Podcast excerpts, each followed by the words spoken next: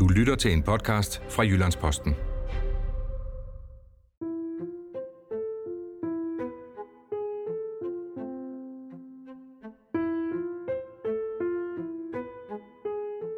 Velkommen til Jalving ser rødt. Mit navn er Michael Jalving, og jeg er blå, eller måske rettere sort. Jeg interesserer mig for det borgerlige Danmarks ved og vel, og frygter, at de borgerlige er blevet for malige, for liberale, for materialistiske og ligeglade med truslerne udefra og indefra. Jeg kalder til kamp, kamp for fædrelandet, og det skal nok blive mundret.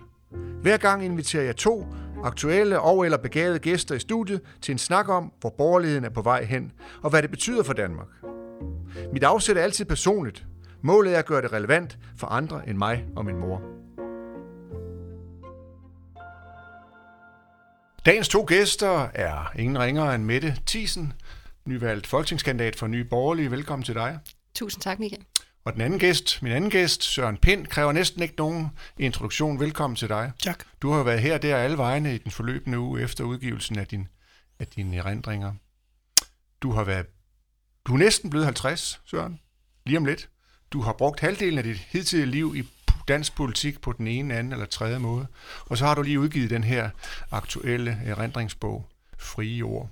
Hvis vi nu lige griber fat i den bogtitel der, De Frie Ord, hvor fri er du egentlig? Er du, er du stadig i politik, eller er du ikke i politik? Det er bare for ligesom at få deklareret dig. Jeg troede egentlig, at da den bog udkom, så ville jeg ikke få det spørgsmål længere, for jeg har virkelig gjort mig umage for at beskrive øh, det rå billede af, hvordan jeg ser politik. Øh, og en af grundene til, at jeg har skrevet den, var jo, fordi jeg bare en frustration over, hvordan dansk politik var blevet et ildtomt rum. Øh, og derfor valgte jeg også at forlade det på et tidspunkt, hvor jeg stadig var glad, men ikke ville blive ved med at være det. Mm-hmm. Så jeg har forladt politik. Og alligevel bidrager du til debatten og skaber røre og mm. avisoverskrifter og beskyldninger, anklager og debat osv. Så, videre, så, videre. så men du, du, hæv, du holder altså fast i, at nu er du en uafhængig, kritisk iagttager altså, jeg er medlem af, hvis du skal have en deklaration, så ja. er jeg medlem af partiet Venstre. Okay, det er du. Øh, men øh, jeg føler mig hverken bundet af ministeransvar, eller det ansvar at være medlem af en folketingsgruppe. Okay. Og øh, ja, det er sådan set sådan, som det er. Mm. Og så er du med her hos mig i dag, og det er jeg selvfølgelig rigtig glad for. I din bog, øh, Frie Ord, der ser du tilbage på øh, 25 år i dansk politik. Du kigger også helt tilbage til din barndom. Vi får et glimt fra Bornholm og, og meget andet godt. Øh, men og du gør jo også status over politik, som du selv antyder her, et, et, et brutalt, ærligt øh, øh, øh billede, nær, nærbillede af, af dansk politik, hvor du blandt andet fremhæver forfængeligheden som mm. en rolle i, i politik. Mm. Drivende kraft. Hvilket jeg synes er meget erhverdigt, at du, at du er så ærlig også om din egen forfængelighed, mm. i hvert fald tidligere. Men hvis du nu skal se fremad, mm. din bog kigger tilbage, men du skal se fremad på baggrund af den borgerlige idékrise, som vi har talt om i, i de første to programmer af Jalvings rødt. Hvad, hvad, hvad, hvad, hvad, hvad er så? Ser du nogle muligheder, eller ser du kun problemer? Nej, jeg, jeg ser selvfølgelig masser af muligheder. Øh, jeg har sådan set øh, det grundsynspunkt, at al aktion skaber reaktion, og det sammenbrud, som, øh, som det borgerlige Danmark har været ude for over de sidste fire år, vil selvfølgelig på en eller anden måde manifestere sig i en, i en øh, katalyse, altså en forandring af en eller anden slags. En katalyse, hvad er det nu, det betyder? Ja, altså... Øh, Jeg kender til katastrofer, men det er noget det hele, andet. At det hele bliver blandet sammen ja. i en ny omgang, okay. og at det opstår et eller andet. Ja. Det, der, det, der jo så bliver interessant, det er hvad? Øh, fordi problemet er, at... Øh, altså, det, det var en hård omgang, kan man sige. Ikke? Øh, fra første dag krævede LA, at uh, topskattelettelsen skulle skrives ind i, i, i regeringens... Øh, i regeringsgrundlag. Mm. Samme dag meddelte Dansk Folkeparti, jamen øh, så var det ikke deres regeringsgrundlag. Så vælgede de konservative en borgerlig minister, og så kørte det da da da da da da da. Ud af det kom så blandt andet stram kurs og nye borgerlige øh, i en, øh, med, en, med en tilgang om, at øh, tingene var ikke stramme nok, om jeg så må sige. Ikke? Hvad sådan selvfølgelig graduerende fra, men altså grundlæggende, at man kan sige, en ultimatisering af det, Anders Samuelsen i virkeligheden havde repræsenteret, øh, som han så solgte for ministerbiler.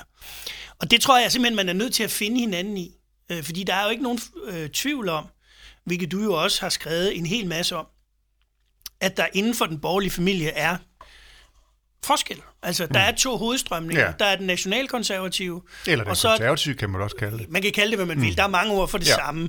Øh, det er bare, når de konservative... Øh, altså, det, det Ja, hele bliver lidt forvirrende. ja, det har ja, dansk politik ja, altid været. ja. Men jeg er i hvert fald sikker på, at hvis, man, hvis, hvis vi taler om de to hovedstrømninger, så er den ene liberal, og den anden er konservativ. Mm. Og der har man hidtil haft et fællesskab imod i arbejde med at gøre den øh, socialdemokratiske velfærdsstat mere menneskevenlig i virkeligheden. Okay.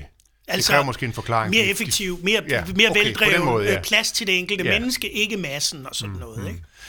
Øh, og så kom selvfølgelig udlændingepolitikken ved skifte i 2001, som man så aktivt fik sat på dagsordenen. Men det jeg oplevede i den sidste valgperiode, det var, at nu begyndte de liberale at slå sig på den. Altså det kunne jeg jo se på nærmeste hold, fordi Venstre bærer, hvad skal man sige, alle de der strømninger i sig Ja. øh, med, skal man bestemme, hvornår børn skal gå i daginstitution. Et spørgsmål, som for 40 år siden for borgerlige havde været fuldstændig utænkeligt. Ja. Nu vil man putte et år i daginstitution. Men det er også fordi Og samfundet har videre, ændret og så sig videre, så i videre. løbet af de 40 år, jo, ikke?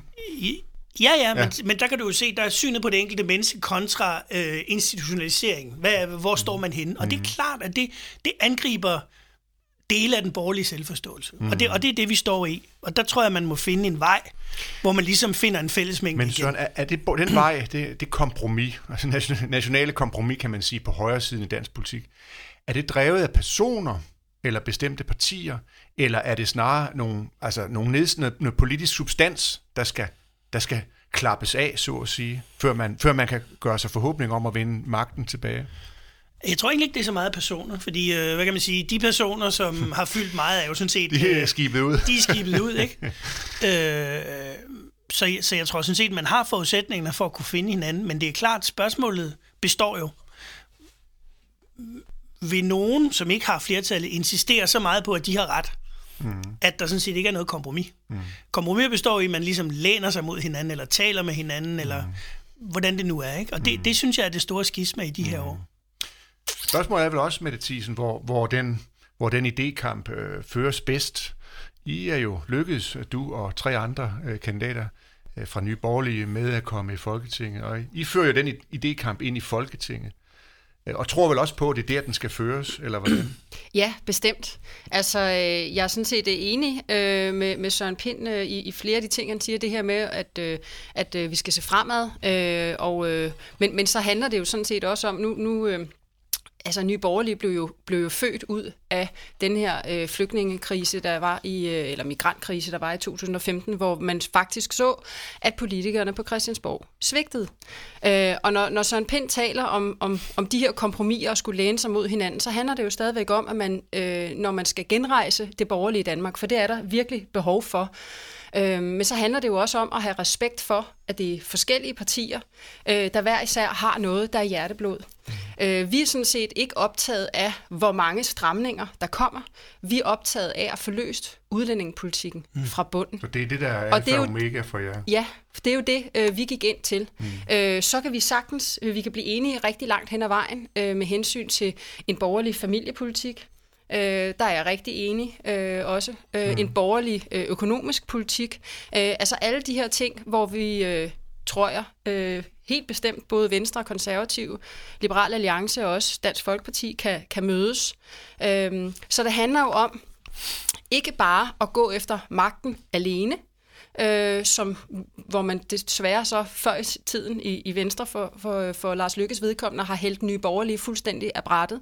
Men er man i, i fællesskab øh, og i respekt for, at det er forskellige partier, der har forskellige øh, øh, meninger og holdninger, øh, mødes om at genrejse det borgerlige Danmark.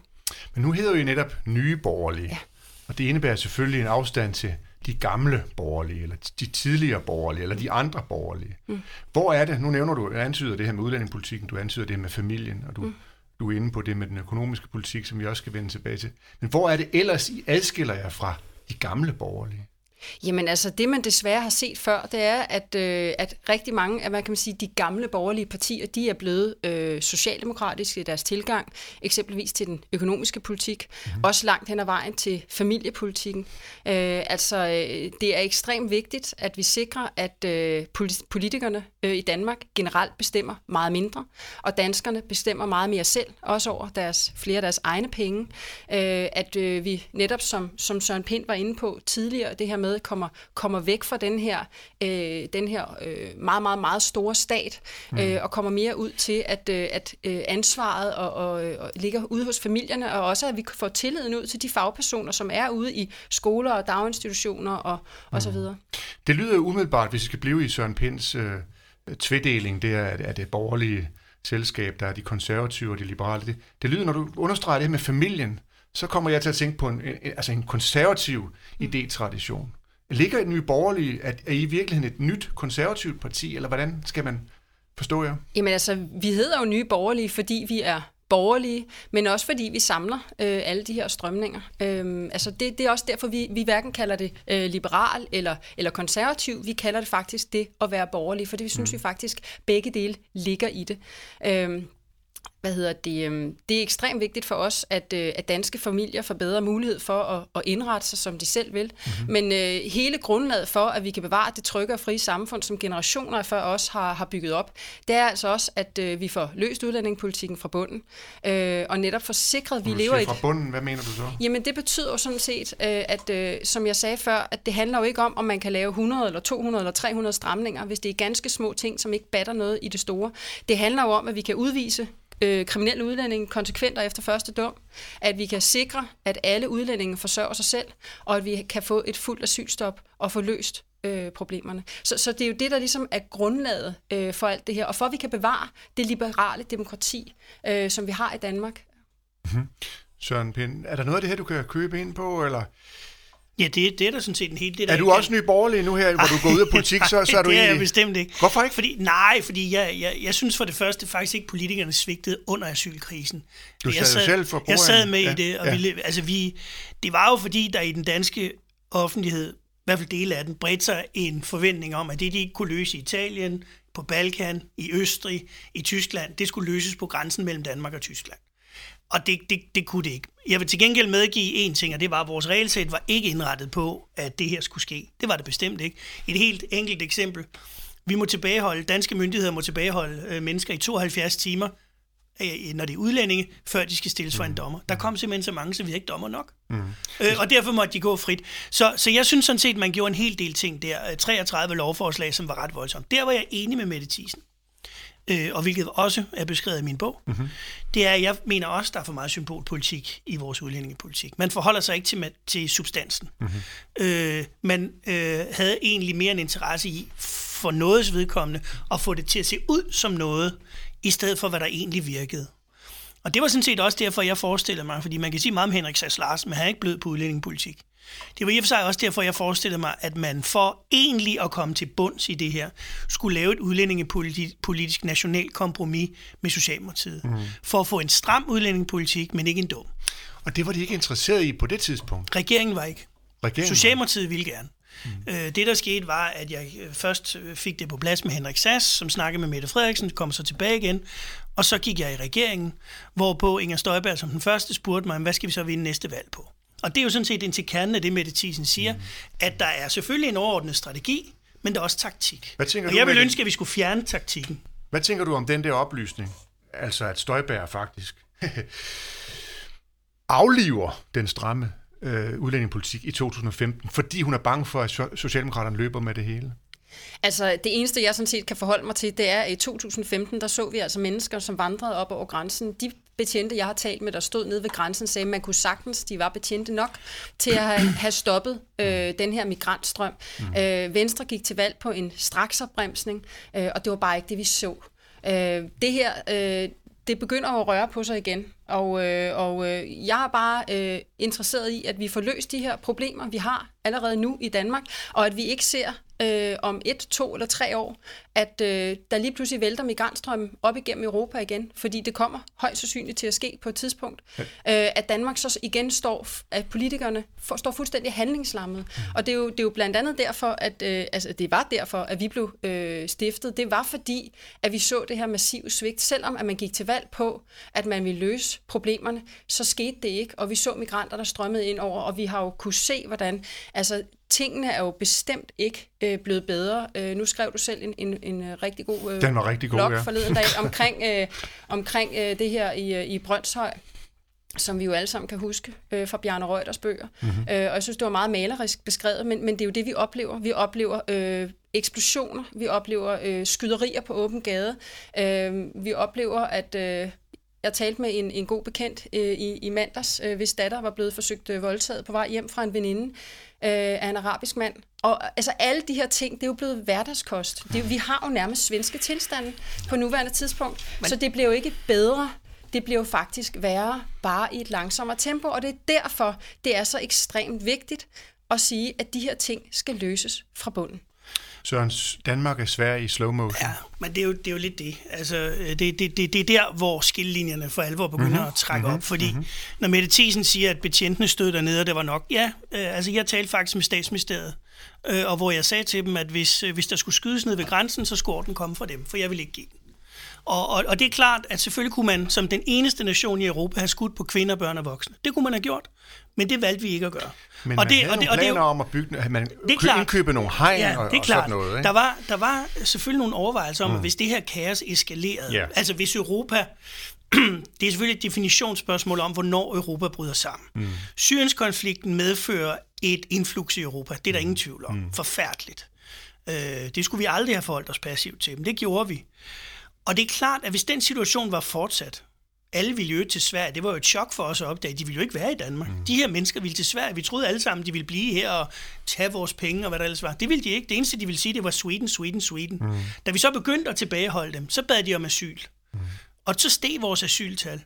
Men lige snart vi opdagede det, så sendte vi dem jo videre til Sverige. Mm. Altså, for mig er det også et spørgsmål om, hvordan man ser på den virkelige politik, hvad vi kendes på. Vi, vi, ikke, vi skal ikke være sådan nogen, der i en sådan situation skyder på kvinder og børn. Det synes jeg ikke. Hvis du lader, og så, hvis du lader 2015 ligge ja. og kigger på den aktuelle... Men, men der er også det med Sverige. Ja. Må jeg ikke lige sige lidt om det? Få den der. Fordi for mig at se, er situationen altså væsentligt anderledes i Danmark end i Sverige helt objektivt set, så sker der det, at man i Justitsministeriets offerundersøgelse hvert eneste år i over 30 år har spurgt 18.000 statistisk udvalgte danskere om, hvilken faktisk kriminalitet de har været udsat for.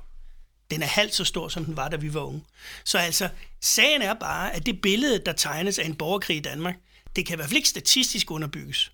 Det kan heller ikke underbygges af anmeldelser, men nu ved jeg, så siger folk, at folk anmelder ikke. Okay, men så lad os holde os til de 18.000 det er et andet billede. Betyder det, at jeg skal forklejne for eksempel øh, de angreb, vi har set den sidste tid? Overhovedet ikke. Men jeg mener, vi skal have flere politifolk, og vi har en dygtig politistyrke. Vi har jo Altså, da, da grænsen faldt i 15, mm. der havde vi det laveste antal politifolk, vi havde haft i utrolig mange år. Mm. Hvorfor? Også fordi kriminaliteten var faldet. Mm. Hvis vi nu vender os til det med, med familien, som også er en kernepunkt for de nye borgerlige, og for, måske endda for dig, altså, er der, er, er der et sted øh, altså i, de, i famili- ja. fam, familien som man sige, samfundets DNA, mm. øh, samfundets grundcelle, øh, hvor de borgerlige har svigtet, ja. øh, måske endda helt tilbage fra 68, er blevet, blevet revet med af 68, ja, ja, ja. eller har, har, har, har glemt Jamen, det er der jo ingen tvivl dyden i, i, i kernefamilien. Jamen, det altså, det er næsten blevet fyre i dag, ja. at taler man kernefamilie. Jamen, det, jamen, det er der, folk øh, ja. er, er... Altså, de har så mange forskellige former for familie, og man må endelig ikke sige, at der er én familieform, der er bedre end anden. Nej. Og det er klart. Og det har man også kunne se afstedkomme i skattelovgivning og andre former for lovgivning, mm. hvor man jo har ophævet de øh, fordele, som der var for eksempel ved ægteskabet. Øh, og det kan man have mange holdninger til. Det, der er både konservative og liberale der, men der er ikke nogen tvivl om, at det politiske system har ændret fokus. Mm. Altså, det kunne jeg også mærke i Venstre, at de diskussioner, man havde om familiestruktur for ikke ret lang tid siden, øh, børnene, øh, børnene, altså, øh, man skulle selv bestemme, hvor børnene skulle være, og moren kunne godt få lov til at gå hjemme, eller for den sags skyld faren og sådan det, det, det taler man jo næsten ikke om mere. Mm. Men det, altså, er det her et sted, hvor, hvor, hvor, hvor, hvor borgerlige kan være moralske, og endda med, med, med god grund i forsvaret for kernefamilien? Ja, det synes jeg bestemt. Øh, og jeg vil sige, at jeg, jeg synes også bestemt, at det er et sted, hvor, hvor, hvor der virkelig kan ske, også som du selv nævner, en værdikamp. Mm-hmm. Altså øh, det her med at sikre, at, øh, at danske familier får øh, langt bedre mulighed for at indrette sig, som de selv vil. Om, øh, om den ene vil gå, gå på deltid, om, om den ene vil blive hjemme og, mm. og passe børnene i langt højere grad. At det ikke er tabubelagt, mm. som det er i dag, øh, hvor man nærmest bliver udskammet øh, som kvinde, hvis man ønsker at gå hjemme øh, med sine børn. Øh, at, at vi ligesom får skabt rum for det her. Og det, handler, det hænger jo også rigtig meget sammen med skattelovgivningen, fordi det handler jo sådan set også om, at det her øh, socialdemokratiske hamsterhjul, man har skabt med en meget, meget stor stat, hvor folk skal, skal knokle rigtig meget og betaler en meget, meget, meget høj øh, hvad skal man sige, skat. Mm. Så, øh, det gør jo også, at folk har dårligere mulighed for at indrette sig, som de selv ønsker det, øh, og i langt højere grad skal begge to være på arbejdsmarkedet, og at børnene kommer i institution i en måske for tidlig alder. Men hvad er det, der er godt ved kernefamilien, hvis vi skal holde fast i det moralske spor? Fordi det er vel ikke bare, at jamen det, øh, kernefamilien sikrer et højt velstandsniveau, der er to til at bidrage til indkomsten, altså mere materiel komfort. Det lyder jo næsten som om, når jeg taler om det, lidt som om det er en, det er en livsanskuelse.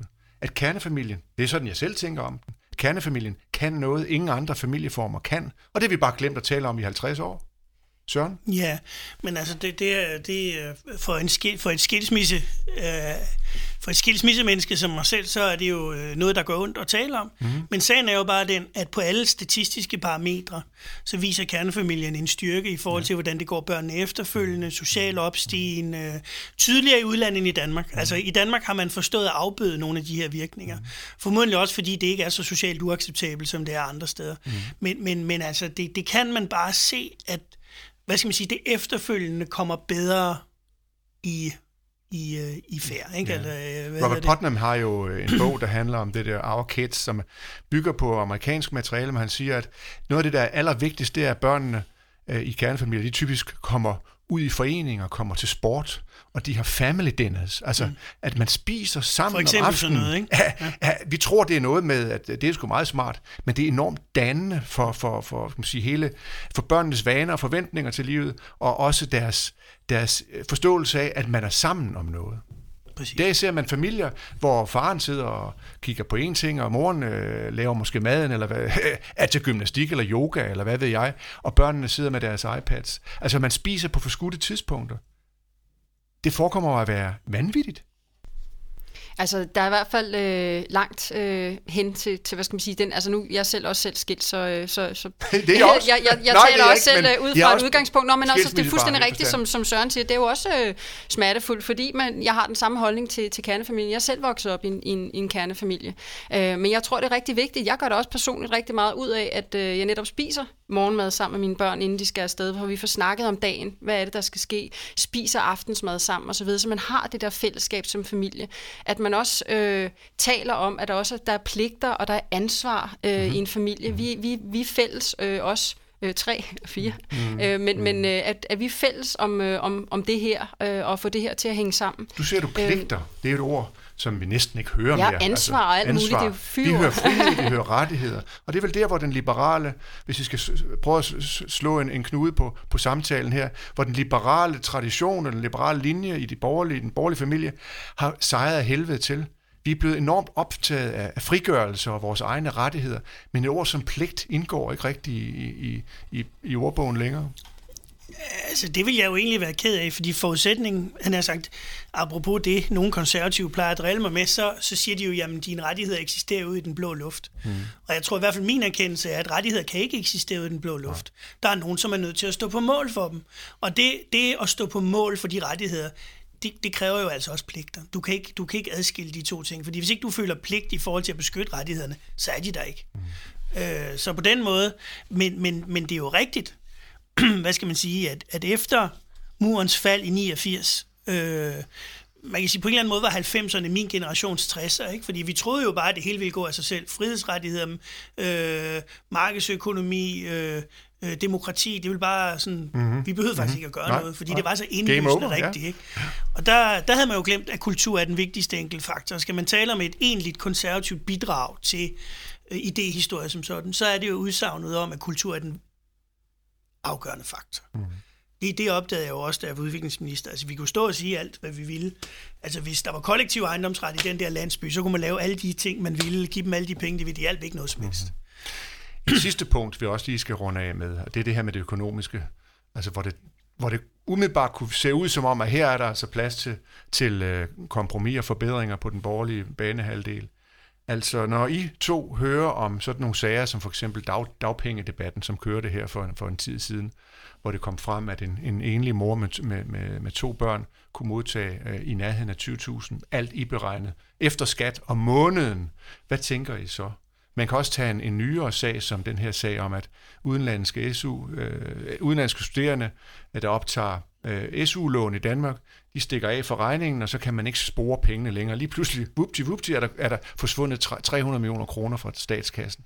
Altså, når jeg hører sådan nogle historier, så tænker jeg, hvad fanden er det, der foregår? Hvad tænker I?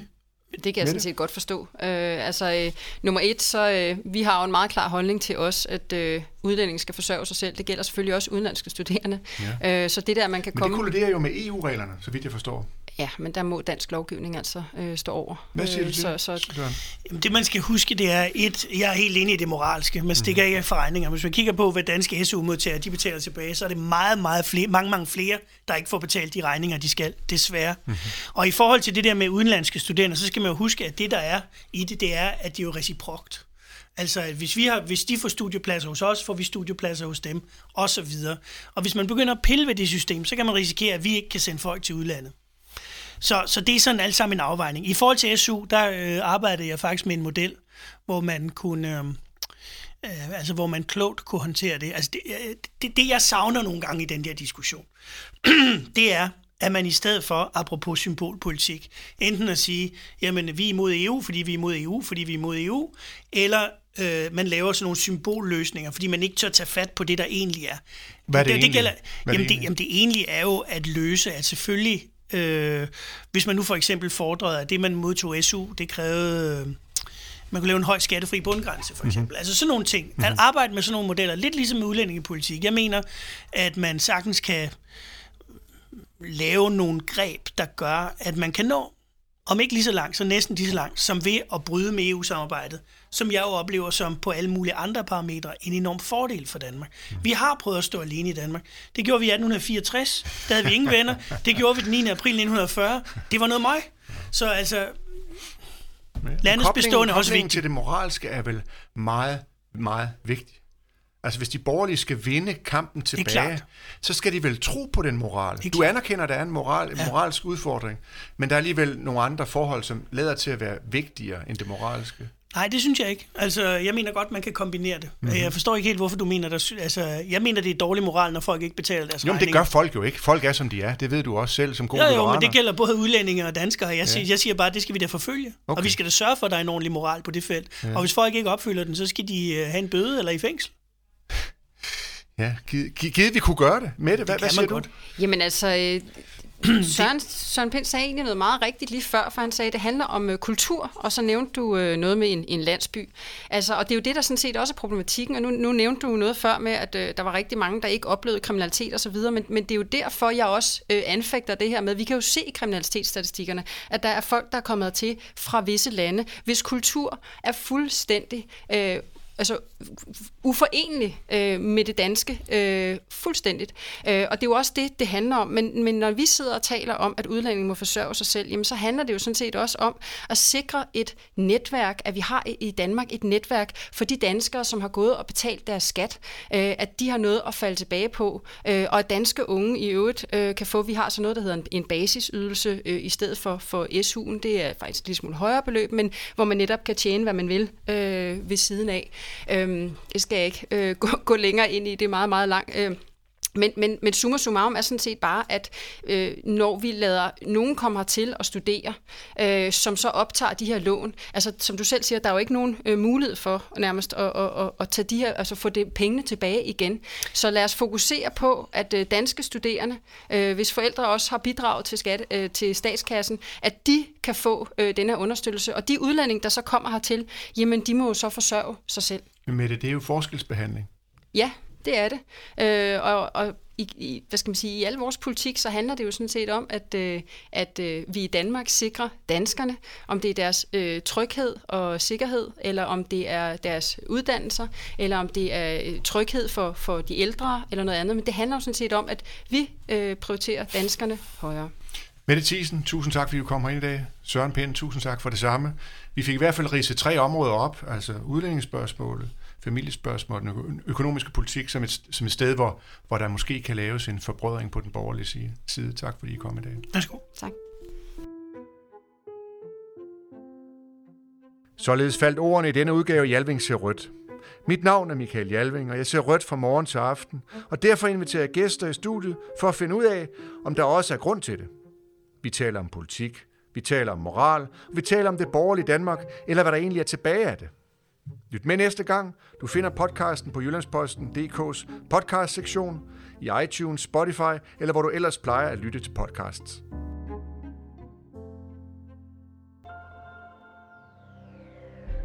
Du har lyttet til Jyllandsposten